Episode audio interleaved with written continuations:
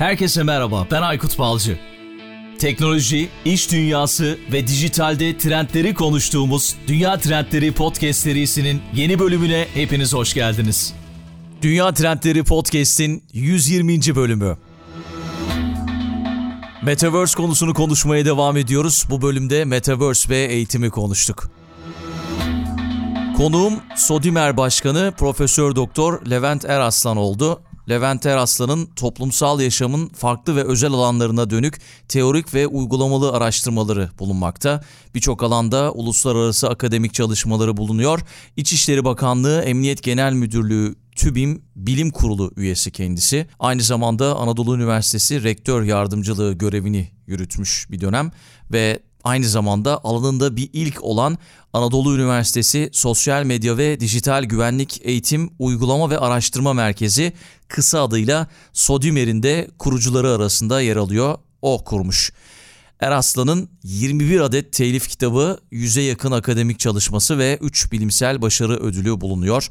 Bu bölümde Metaverse ve eğitimi konuştuk. Yine benim çok çok yararlandığım güzel bölümlerden biri oldu. Önümüzdeki bölümler içerisinde Metaverse konusunu konuşmaya yine devam edeceğiz ve bu konuda da gerçekten çok iyi geri bildirimler aldık sizden. Bu bölümle ilgili ya da başka bölümlerle ilgili her zaman olduğu gibi yine sosyal medya üzerinden beğendiğiniz bölümleri paylaşıp bizimle ya da başkalarıyla arkadaşlarınızla buluşturabilirsiniz. Yorumlarınızı bizimle buluşturabilirsiniz. Apple Podcast ve Castbox gibi platformlardan yorumlarınız ve bizi üst sıralarda çıkartmanız için vereceğiniz 5 yıldızlar çok çok önemli. Ekşi Sözlük üzerinden de yine yorumlarda bulunursanız, sosyal medya üzerinden bizi paylaşırsanız çok çok sevinirim. Her zaman olduğu gibi bir Patreon hesabımız var. Oradan da ufak da olsa destekler geliyor ve bizi motive ediyor. Destek olmak isterseniz podcast'in açıklama kısmında yine Patreon linkimizi de bulma şansını yakalayabilirsiniz. Bölümün sonunda destek olanlara her hafta teşekkür ediyorum ve size de dinlediğiniz için bu bölümü şimdiden teşekkürler. O zaman her şeyi söyledik. Yeni bölüme hazırız. Yeni bölüme 120. bölüme başlıyoruz. Bu bölümde Metaverse ve eğitimi konuşacağız. Konuğum da Profesör Doktor Levent Eraslan. Hocam hoş geldiniz. Selamlar. Merhabalar efendim hoş bulduk. Evet Profesör Doktor Levent Eraslan Sodimer başkanıyım. Şu anda Türkiye'de çok ciddi anlamda dijital bilinç ve farkındalık anlamında eğitimler yapan ve bunları kamusal bilinçle ücretsiz olarak hizmete sunan bir yapıyız. Çok önemli sayıda insana ulaştık. Özellikle pandemi döneminde 100 bin öğretmene ulaşabilme becerimizi söyleyebilirim. Bunun yanı sıra Dijital Öğretmen Akademisi, Anne Baba Okulu, Öğrenme Güçlüğü okullarımız, matematik destek programlarımız ve şu anda çok gündemde 14 temel başlık 20 ders konusuyla Metaverse Okulu. Yani ortalama haftada 3000'e yakın insanın e, takip ettiği bir okul açtık ve yoğun olarak e, teknolojik farkındalığı e, 4 boyutta ele alıyoruz. Bunlardan birincisi sosyal medya, dijital güvenlik, dijital eğitim ve dijital para konularında araştırmalar yapan, gündem yaratan çok değerli çalışmaları e, olduğunu herkesin söylediği bir STK'nın başkanıyım. Her konuğuma sordum bunu ve herkes tarafından bir farkındalık yaratmamız açısından Metaverse'ü bir kez daha tanımlamak iyi olur diye düşünüyorum.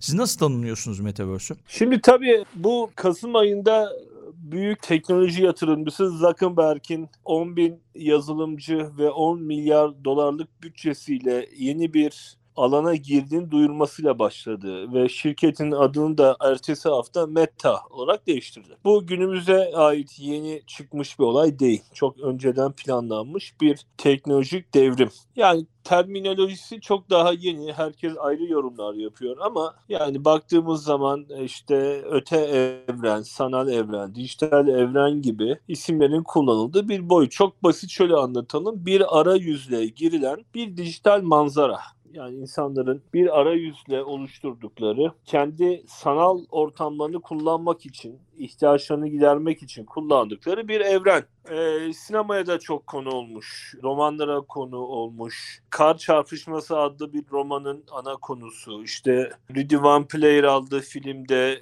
görürüz. Evet. Ee, Netflix'teki o Black Mirror dizilerinde görürüz. E, insanların e, dijital ikizleri ve avatarlarıyla girdikleri dijital bir ortamda e, ihtiyaçlarını karşılaması olarak görülebiliyor. Tabii aynı zamanda dünyanın dört bir yanındaki kullanıcıların ile bağlantı kurulduğu, alışverişin yapıldığı, eğitim olanaklarının olduğu çok hızlı bir şekilde e, kendi dilini, ritüelini, ekonomisini yaratan bir alan olarak Metaverse'ü tanımlayabiliriz. Bir de tabii Metaverse'ü tek bir alan olarak algılamış durumda herkes. Özellikle Türkiye'deki kamuoyu öyle diyelim. Onun tek bir yer olmadığını belirtmekte yarar var değil mi? Tabii ki metaverse'ler var. Bir kere Türk kamuoyu her zaman olduğu gibi önce kavramların hırpalıyor, içini boşaltıyor. Ondan sonra anlamaya çalışırken diğer dünya ülkeleri de mesafe alıyor. Bizim böyle bir garip huyumuz var. Kripto parada olduğu gibi, Bitcoin'de, blok zincirde olduğu gibi. Düşünebiliyor musunuz? Blok zincirin ne olduğunu anlamadan kripto para işine girip ondan sonra tokatlanıp para kaybeden binlerce kişi var bu ülkede. Türklerin teknolojiye bakışı biraz para kazanma yönünde. Çok garip bir şekilde arsa çevirme, arazi alma gibi. Bugün de bana yazıyor arkadaş ya Beyoğlu'ndan arsa alalım mı? Bana da alın dedim ben de. Yani arsa almakla Metaverse'ü özdeş tutuyorsanız bir kere bu teknolojik gecikme. Ogburn adlı bir sosyolog var. Onun kültürel gecikme kavramı var. Kültürel boşluklar oluşmuş.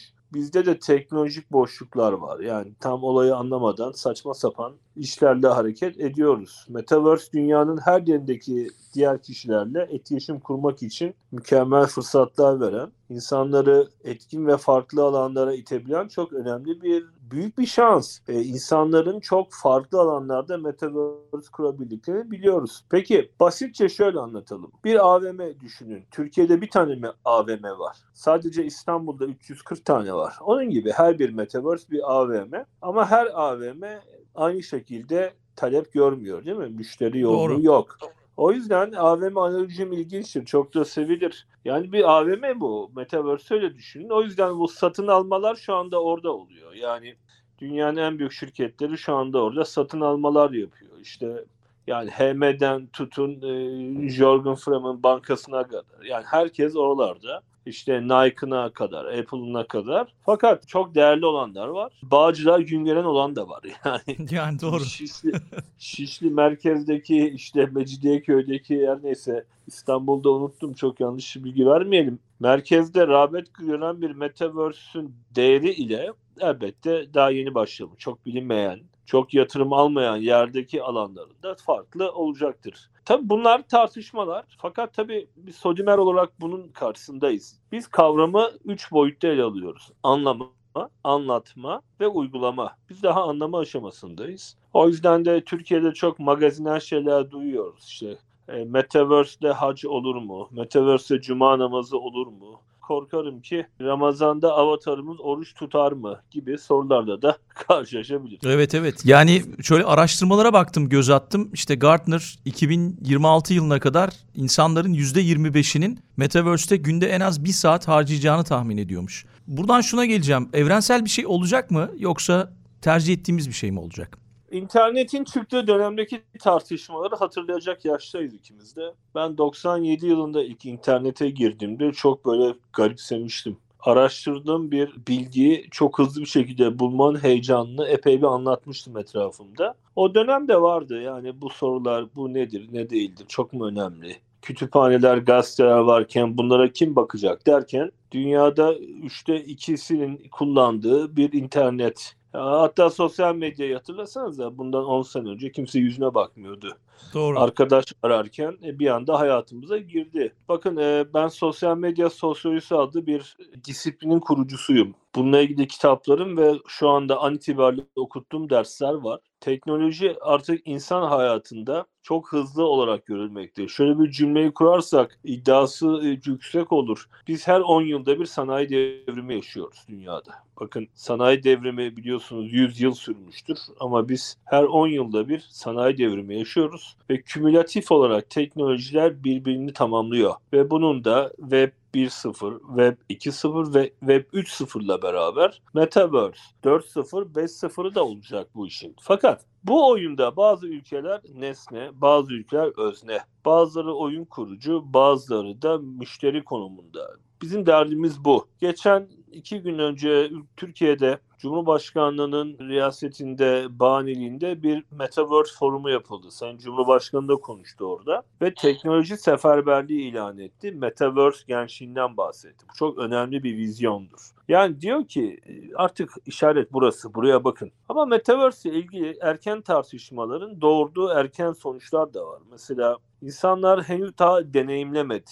Yani bir arayüzde, bu arayüz gözlük olabilir, daha şık bir aparat olabilir. İşte siz de bakın aparatlarla şu anda yayın yapıyorsunuz. HoloLens diye bir uygulama var. Çok ilginç bakın. Gözünüzde bir lens ve bu lens kendi kendini e, şarj edebilecek özelliğe sahip. Yani insanlar belki 10 yıl sonra aynı Black Mirror dizisinde olduğu gibi parmağını şıklattığı anda kendi e, istediği evrene geçebilir. Sosyal medya binlerce takipçiniz var. Metaverse evreninde o binlerce kişiyle yüz yüze gelebilirsiniz. Daha basit anlatalım. Bakın teknoloji gündelik hayata çok hızlı giriyor.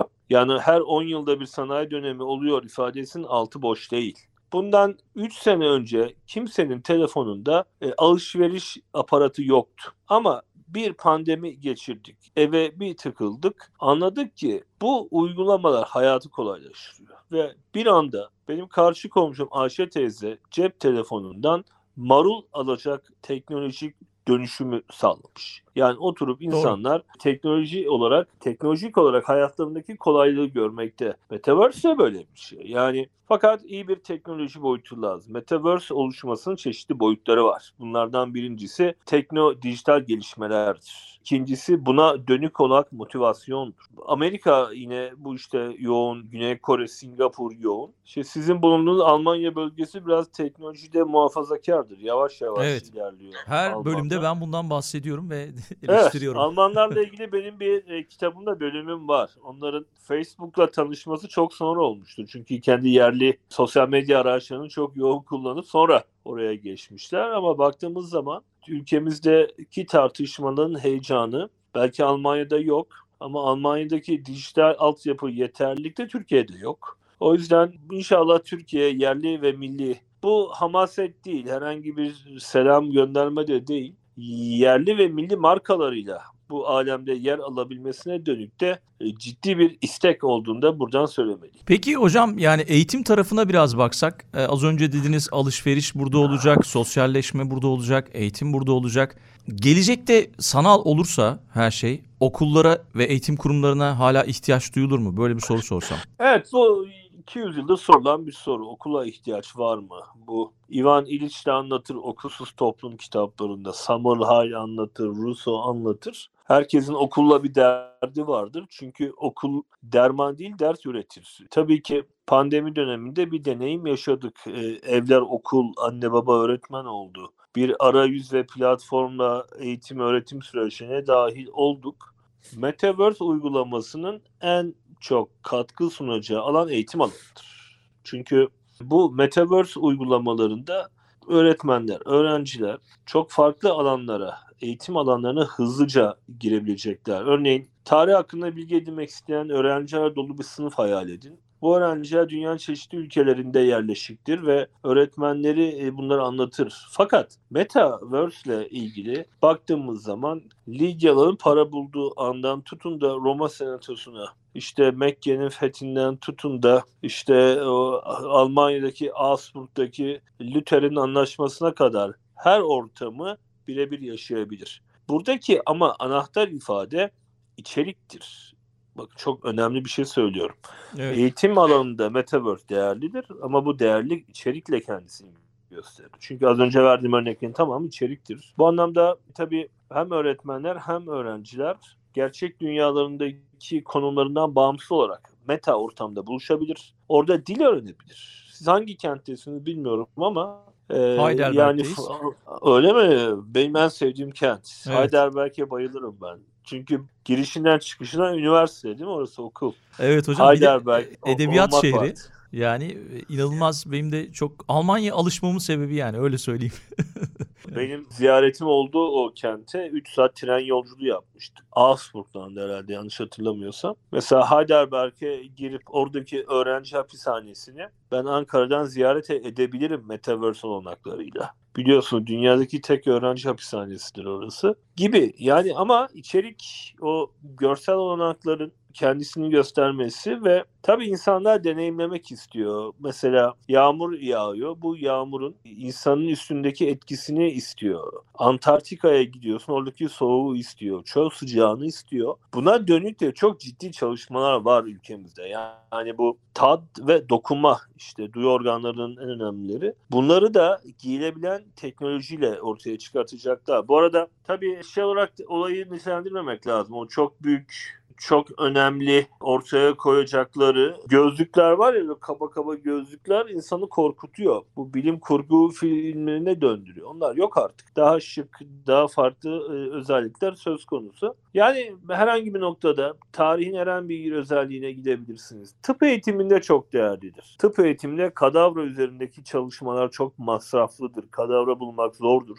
Ama işte kalbin içerisine girip 5000 kat küçültüp onun içindeki kılcal damarlarda gezmenin de e, eğitime kattığı büyük önem var. Bu tabii bir öğretmenin süreç içerisinde o 3 boyutlu, 4 boyutlu ortamlarda e, ders işlemesi, çocuğun e, görerek, dokunarak öğrenmesi elbette kalıcı bilgi ve beceri de sağlayacak. Peki mesela şey olabilir mi? Farklı ülkelerde okuma şansı olabilir mi? Türkiye'de yaşayıp? E tabii şimdi mesela öğretmenler ders planlarına dayalı olarak sanal bir ortam oluşturup çocukların kitaplarda okuduklarını birebir görmelerini sağlayabilirler. Yani Metaverse'de öğrenmek ve öğretmek kulağa sadece rüyalarımıza mümkün olacak bir uzak kavram gibi gelebilir. Ancak mevcut manzarada benzer durumları biz yaşıyoruz. Mesela şu anda çok yaygın çocuklar arasında benim oğlanlar da oynuyor. Roblox, Fortnite, Minecraft. Minecraft. Bunlar hep pre-metaverse dediğimiz uygulamalar. Burada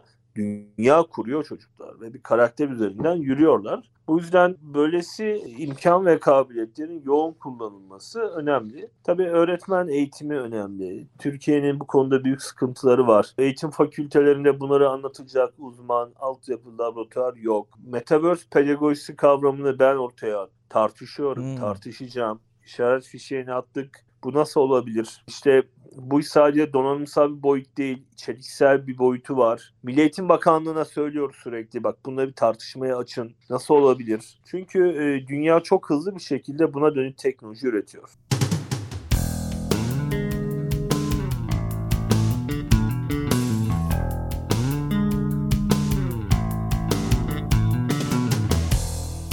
Belki hocam pilot böyle sanal okul oluşturulmalı veya sanal sınıf oluşturulmalı. İşte öğrencilere o araç gereçler temin edilmeli. Dünya üzerinde örnekleri var bu arada. 2022 yıl içerisinde yapılacakmış. O yüzden bahsediyorum bundan. Ücretsiz bir şekilde bu denenebilir. Sizin de dediğiniz gibi orada farklı farklı şeyler var. Mesela ilk kez duyduğum bir şey Metaverse pedagojisi. Yani çok daha fazla farklı şey çıkacaktır diye düşünüyorum. Metaverse pedagojisi dediğimiz şu. Pedagoji biliyorsunuz Yunanca pedagog'dan gelir. Zengin Yunan çocuklarını okula getirip götüren kölenin adıdır. Pedagog çocuk bakıcısıdır. Sonra bu işte pedoloji çocuk eğitimine dönmüş eğitim bilimidir. E, yani bir bakın daha biz uzaktan eğitim kavramını bile e, yanlış kullanıyoruz. Sanayi devrinden kalan uzaktan eğitimi. Bunun adı dijital eğitimdir. Metaverse ise bu dijital eğitim kavramının bir üst versiyonudur. Bunları da ne yazık ki ülkemizde bu işin sosyolojisini, felsefesini, pedagojisini bilmeyen teknik kişiler konuşuyor. Teknik kişiler konuştuğu için bu bir böte öğretmeni olabilir, bir mühendis olabilir, bir yazılımcı olabilir. Olayın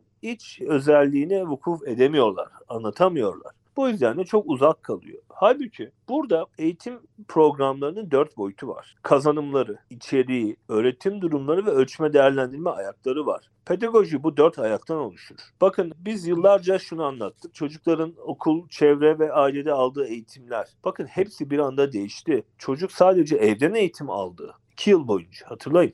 Evet. Ya büyük bir kazanım elde etti. O Ben sürekli ekranlardaydım o dönem anlattım. Bu işte EBA sistemleri olsun, diğer sistemler olsun nasıl çalışacak, ne yapılacak. Ama baktığımız zaman Metaverse pedagojisi de bundan çok bağımsız değil. İçeriğin yönetimi, öğrencinin yönetimi, o deneyimin sağlanması, bunun davranışa dönüşmesi ve ölçülmesi süreçlerine dönük tartışmaları bizim ortaya koymamız ve bunun üzerinde de argüman üretmemiz gerekmekte. Doğru. Zaten uzaktan eğitim dediğimiz e, eğitim çok uzun zamandır var hocam. Mektupla bile eğitim vardı biliyorsunuz. E, televizyonlardan eğitim var, açık öğretim var, e, uzaktan öğrenme var. E, bu da biraz şekil değiştirmiş oluyor. Daha farklı hale gelmiş oluyor Metaverse ile birlikte. Avantajları neler? Bir de dezavantajları neler? Belki bunları tartışsak iyi olur. Evet tabii en büyük avantajı geçmişte ve gelecekte ve günümüzde ulaşılması mümkün olmayan her yere Metaverse'e gidebilirsiniz. Müthiş bir sanal çevrimiçi öğrenme deneyimi ortaya koyar ve öğrenciler burada kendi evrenlerinde farklı deneyimler elde edebilirler. Dil öğrenebilirler. Tarih ve coğrafyayı yaşayarak öğrenebilirler. Yani öğrenmede biliyorsunuz sadece gördüğümün %10'unu, duyduğumun %20'sini, görüp duyduğumun %30'unu hatırlayıp kullanıyorum. Ama yaparak, yaşayarak öğrenme %90'a çıkıyor. Bu çok değerlidir. Doğru. Metaverse bunu bize sağlıyor. Yaparak, yaşayarak öğrenme en pahalı yöntemdir. Ama burada bu deneyimlerle, tabii bu teknolojik gelişimlerle, ben aslında bundan 15-20 yıl sonrasını anlatıyorum. Bu deneyimlerle bu kendini gösterebilir. Ama hala bizim eğitim fakültesi öğretim üyeleri, anlı şanlı profesörler bir 100 sene önce okuduğu kitaplardan bilgi anlatıyorlar. Çok komik kaçıyor bizim meslektaşlarımız. Bize de bilim kurgu yapıyorsunuz diyorlar. Halbuki Tepegöz denen bir cihaz vardı hatırlar mısınız? Lambalı Evet. slide falan. Onu da şimdi. Ben dershanedeyken onu kullanıyorduk. evet şimdi Evet. hala Tepegöz kullanmayı özleyen öğretmenlerin olduğu bir yerde Metaverse teknolojisi çok garip kaçabilir. Bu da teknolojik muhafazakarlık deniyor buna. Dijital muhafazakarlık. Gelişmiyor. Bilmiyor. Öğrenmeye dönük de motivasyonu yok. O yüzden de oturup Metaverse kötü, Metaverse berbat. İyi yanlarını görmek lazım. Deneyim kazandırır, farklı alanları sizi götürür ve öğrenmedeki maliyeti azaltır. Bunun yanı sıra etkileşimi artırarak çok farklı alanlarda insanlarla iletişim kurabilirsiniz. Bakın biz sizinle daha önce bir araya gelmedik. Evet. Sosyal medya olmasaydı gelemezdik değil mi? Doğru. Yani 6 milyarda bir şansımız vardı dünya nüfusu kadar. Ama bakın tanıştık, etkileştik, yayın yapıyoruz. Bunu sağlayabilir. Doğru. Bu yayını Metaverse'de işte e, Heidelberg'de benim çok bayıldığım Starbucks'ta da yapabilirdik değil mi o ortamda? Yani kahvelerimizi içebilirdik. Kaleye Ee, çıkartırdım şimdi- hocam sizi. Kalede yapardık. evet evet geleceğim. E, hep o benim çocuklarıma göstermek istediğim bir kent yani. Almanya dediğinizde biraz üzülmüştüm ama şimdi sevindim. Güzel bir kenttesiniz. Peki teşekkürler. Kültürlü bir yapısı da var evet. E, Edebiyat şehri zaten. Yanılmıyorsam UNESCO tarafından işte Avrupa'nın tek edebiyat şehri gibi bir şey. Evet evet. Yanılmıyorsam. Edebiyat ve felsefenin olduğu bir yer evet. Evet. Yani çok fazla tartışmalar oluyor tabii bu pandemi nedeniyle olmuyor da ama tabii Almanca oluyor. Hani eğer böyle İngilizce falan olsa çok gitmek isterim yani oradaki yapılan Almanlar biliyorsun İngilizce bilse bile konuşmuyorlar yani. konuşmuyorlar ama onu biraz kırılmış hocam son yıllar içerisinde. Çünkü çok fazla göçmen var ve çok, fazla iş gücü var, ihtiyacı evet. var. E, o yüzden artık Doğru. çok diretmiyorlar.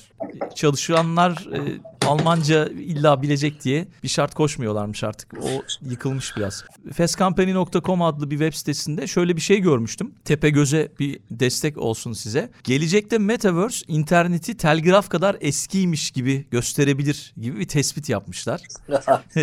ya çok Güzel. hoşuma gitmişti gerçekten. Ben de paylaşır mısınız onu kullanayım ben. Tabii paylaşırım tabii ki. Ya çok çok hoşuma gitmişti. Yani o yüzden Tepegöz örneği e, çok e, cuk oturdu. Çok çok teşekkür ediyorum. Ve her şeyi de konuştuk eğitimle ilgili sanırım. Belki şeyi konuşabiliriz. Yo aslında şöyle e, eğitimde bazı yatırımları da gerektiren bir uygulama. Bizim şu anda kullandığımız ne internet sistemleri ne e, bilgisayarlar o Metaverse uygulamasına çok uygun değil. Yani 6G'den bahsediliyor. İşte bu süper e, computer dedikleri yapılardan bahsediliyor. İşlemcisi de yeterli değil. Fakat ben e, Cumhurbaşkanı'ndaki konuşmamda da söyledim. Bu ülkenin üçte ikisi internete bağlanamadığı ve sistemler çöktü. Tablet, bilgisayar vesaire yoksa Metaverse konuşmak biraz fantazi kaçıyor. O yüzden kamu kurum ve kuruluşun hızlıca böylesi donanımsal eksikleri giderip araştırma, geliştirme, ARGE faaliyetlerine de ve diğer şirket geliştirmelerine de destek olması çok açık bir şekilde gerekiyor şu anda Türkiye'de.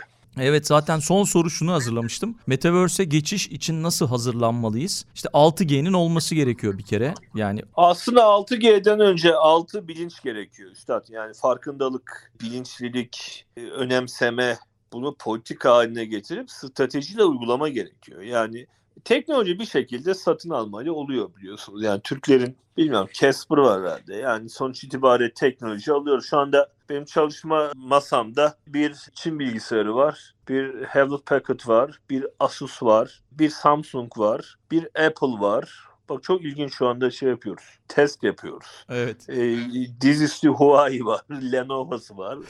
Yani var ama Türk değil hiçbiri. Yani teknolojiden ziyade bizim az, az önce saydığımız önemli yani bir motivasyonu ortaya koymamız lazım. Fakat bir alegori yine yapalım. Yani radyoyla büyümüş nesiller şu anda karar verici. Bu karar vericilerin böylesi bir şekilde böyle e, çok önemli postmodern e, dijital teknolojik bağlama, dönük motivasyonları eğer düşük seyrediyorsa bu sonuç getirmiyor. Çünkü karar verici o. Bu arada unutmayın Metaverse ortamlarında etik ve hukuk, Metaverse güvenliği gibi kavramlar var. Biraz da zararlarından bahsedelim. Elbette bulunmaz şey değil bu. Mesela e, çok ciddi bir şekilde de fiziki ve psikolojik problemler ortaya çıkartabiliyor o. Avatarlar ve dijital ikizler var. Dijital ikiz dediğimiz birebir kopya. Doğru. Avatar dediğimiz her şey olabilirsin. İşte ben Brad Pitt gibi e, olabilirim kendi avatarımda. Ama bu gerçeklik duygusunu, o benlik yapısının süreç içerisinde problem yaşamasına ve benim gerçekten uzaklaşmama neden oluyor. Boyun ve göz ağrılarına sebep olabiliyor. O ağır gözlükler çok uzun kullanılmıyor ve e, insanların süreç içerisinde uğradıkları en büyük problemlerden biri de mahremiyet. Bir de e, merkeziyetsizlik kavramı var. Üstad bu çok tehlikeli. Yani özgürlük mottosuyla meta evrende her şey serbest. Şimdi gerçek dünyada suç olan o sanal ortamda eğer serbest olursa kişilerin gerçeklikleri de bozulabiliyor. Şimdi Almanya'da Nazi'nin N'sini kullanmak bir problem. Öyle değil mi? Suç. Doğru. Nazi imge ve simgeni yani en azından biz öyle biliyoruz. Gerçekte de facto adamın içinden geçtiğini bilemeyiz ama, Ama Metaverse evrenin, Metaverse evreninde düşünebiliyor musun bir Nazi Club'ın açıldığını yani orada Nazi propagandasının yapıldığını bu olabilecek bir şey mi? Bu yüzden bu işin hukukunun etiğinin konulması lazım. Yani desentral yapılar yani merkeziyetsizliğin verdiği şey var. İnsanlarda bir heyecan var ama baktığımız zaman iş öyle değil. O zaman iş şeye döner. Devlet kavramının ortaya çıktığı eserleri yazan Thomas Hobbes'un Levitan'ı, doğa toplumu, John Locke, Rousseau'nun anlattığı o doğa hali yani güçlünün zayıfı yendiği, büyüğün küçüğü ezdiği o doğa ortamı ortaya çıkar ki böylesi yapılarda da 8 adet suç ortaya çıkıyor. Mahremiyet ihlalinden tutun tacize kadar, veri hırsızlığından tutun da nefret suçuna kadar. Bir de o metaverse ortamında kuralları oyun kurucu oluşturuyor. Mesela Almanya'da adam açar metaverse'ünü. Türkler giremezler ya. Evet. Türken Raus. Almancadan bildiğim tek kelime bu. Şimdi Türken Raus'u adam sana orada yazarsa sen orada yaşayan biri olarak ne hissedersin? Öyle değil mi? Doğru. Yani bu e, dijital hukuk, dijital etik kavramlarında çok ciddi tartışılması lazım. Ne yazık ki ülkemizde işte naçizane biz anlatıyoruz, tartışıyoruz bunları. Ama Metaverse alanı yaratan herkesin de buna dönük bakması lazım. Bir de Türkiye'de bu iş iyice şimdi popülerleşti paraya, e, ekonomiye evrildi. Herkes ben metaverse yapıyorum diyor. Ben de hiçbir şey yapmıyorsunuz diyorum. Çünkü anlattıkları metaverse değil. Yani çizgi karakterlerle sesli zoom yapmanın bir anlamı yok. Bunun teknolojisine daha vakit var ama tartışmak, anlamak ve anlatmak çok çok değerli. Peki hocam çok çok teşekkür ediyorum. Çok değerli bir yayın oldu yine. Güzel bilgiler aldık sizden. Umarım herkes yararlanır. Kapatırken her zaman kitap önerisi alıyorum konuklarımdan. Belki bir kitap önerisi yaparsınız bize. Sonra da veda ederiz kapatırız. Evet tabii e, bu süreçlerde e, bizim de okumalarından etkilendiğimiz çeşitli kişiler var. İşte o az önce bahsettiğim sınav crash'ı önerebilirim. Kar çarpışması. Metaverse okumalı isteyenler için çok e, yaygın olabilir. Sinemada işte distopya, ütopyayı anlatan filmler olabilir. Matrix'i bir daha seyretsinler mesela. Matrix'te Evet. ki o göndermeler hep buraya dönük anlattığımız kavramlardı ama anlayacağız, anlatacağız ve uygulayacağız. Bunu unutmamak lazım. Peki çok çok teşekkürler Levent Hocam. Kapatmadan önce Patreon destekçilerimize de bir kez daha teşekkür etmek istiyorum. Her hafta Patreon üzerinden bize siz de destek olmak isterseniz bölümün sonunda Patreon destekçilerimize teşekkür ediyoruz. Podcast'in açıklama kısmında Patreon linkimizi bulma şansını yakalayabilirsiniz. Recep Topçu, Serdar Sungur, Onur Atakan, Nilay Atalay, Kübra Karaman, Necdet Dikmen, Birol İnci ve Ahmet Uçar'a sonsuz teşekkürler. Dünya Trendleri Podcast serisinin bu bölümünün sonuna geldik. www.dünyatrendleri.com, Twitter'da @dünyatrendleri, Instagram'da dünya.trendleri adreslerinden Dünya Trendleri Podcast'i takip edebilirsiniz. Unutmayın önerileriniz ve merak ettikleriniz içinse info gmail.com adresinden mail atabilirsiniz. Bu bölümü dinlediğiniz için çok teşekkürler. Yeni bölümde tekrar buluşmak üzere.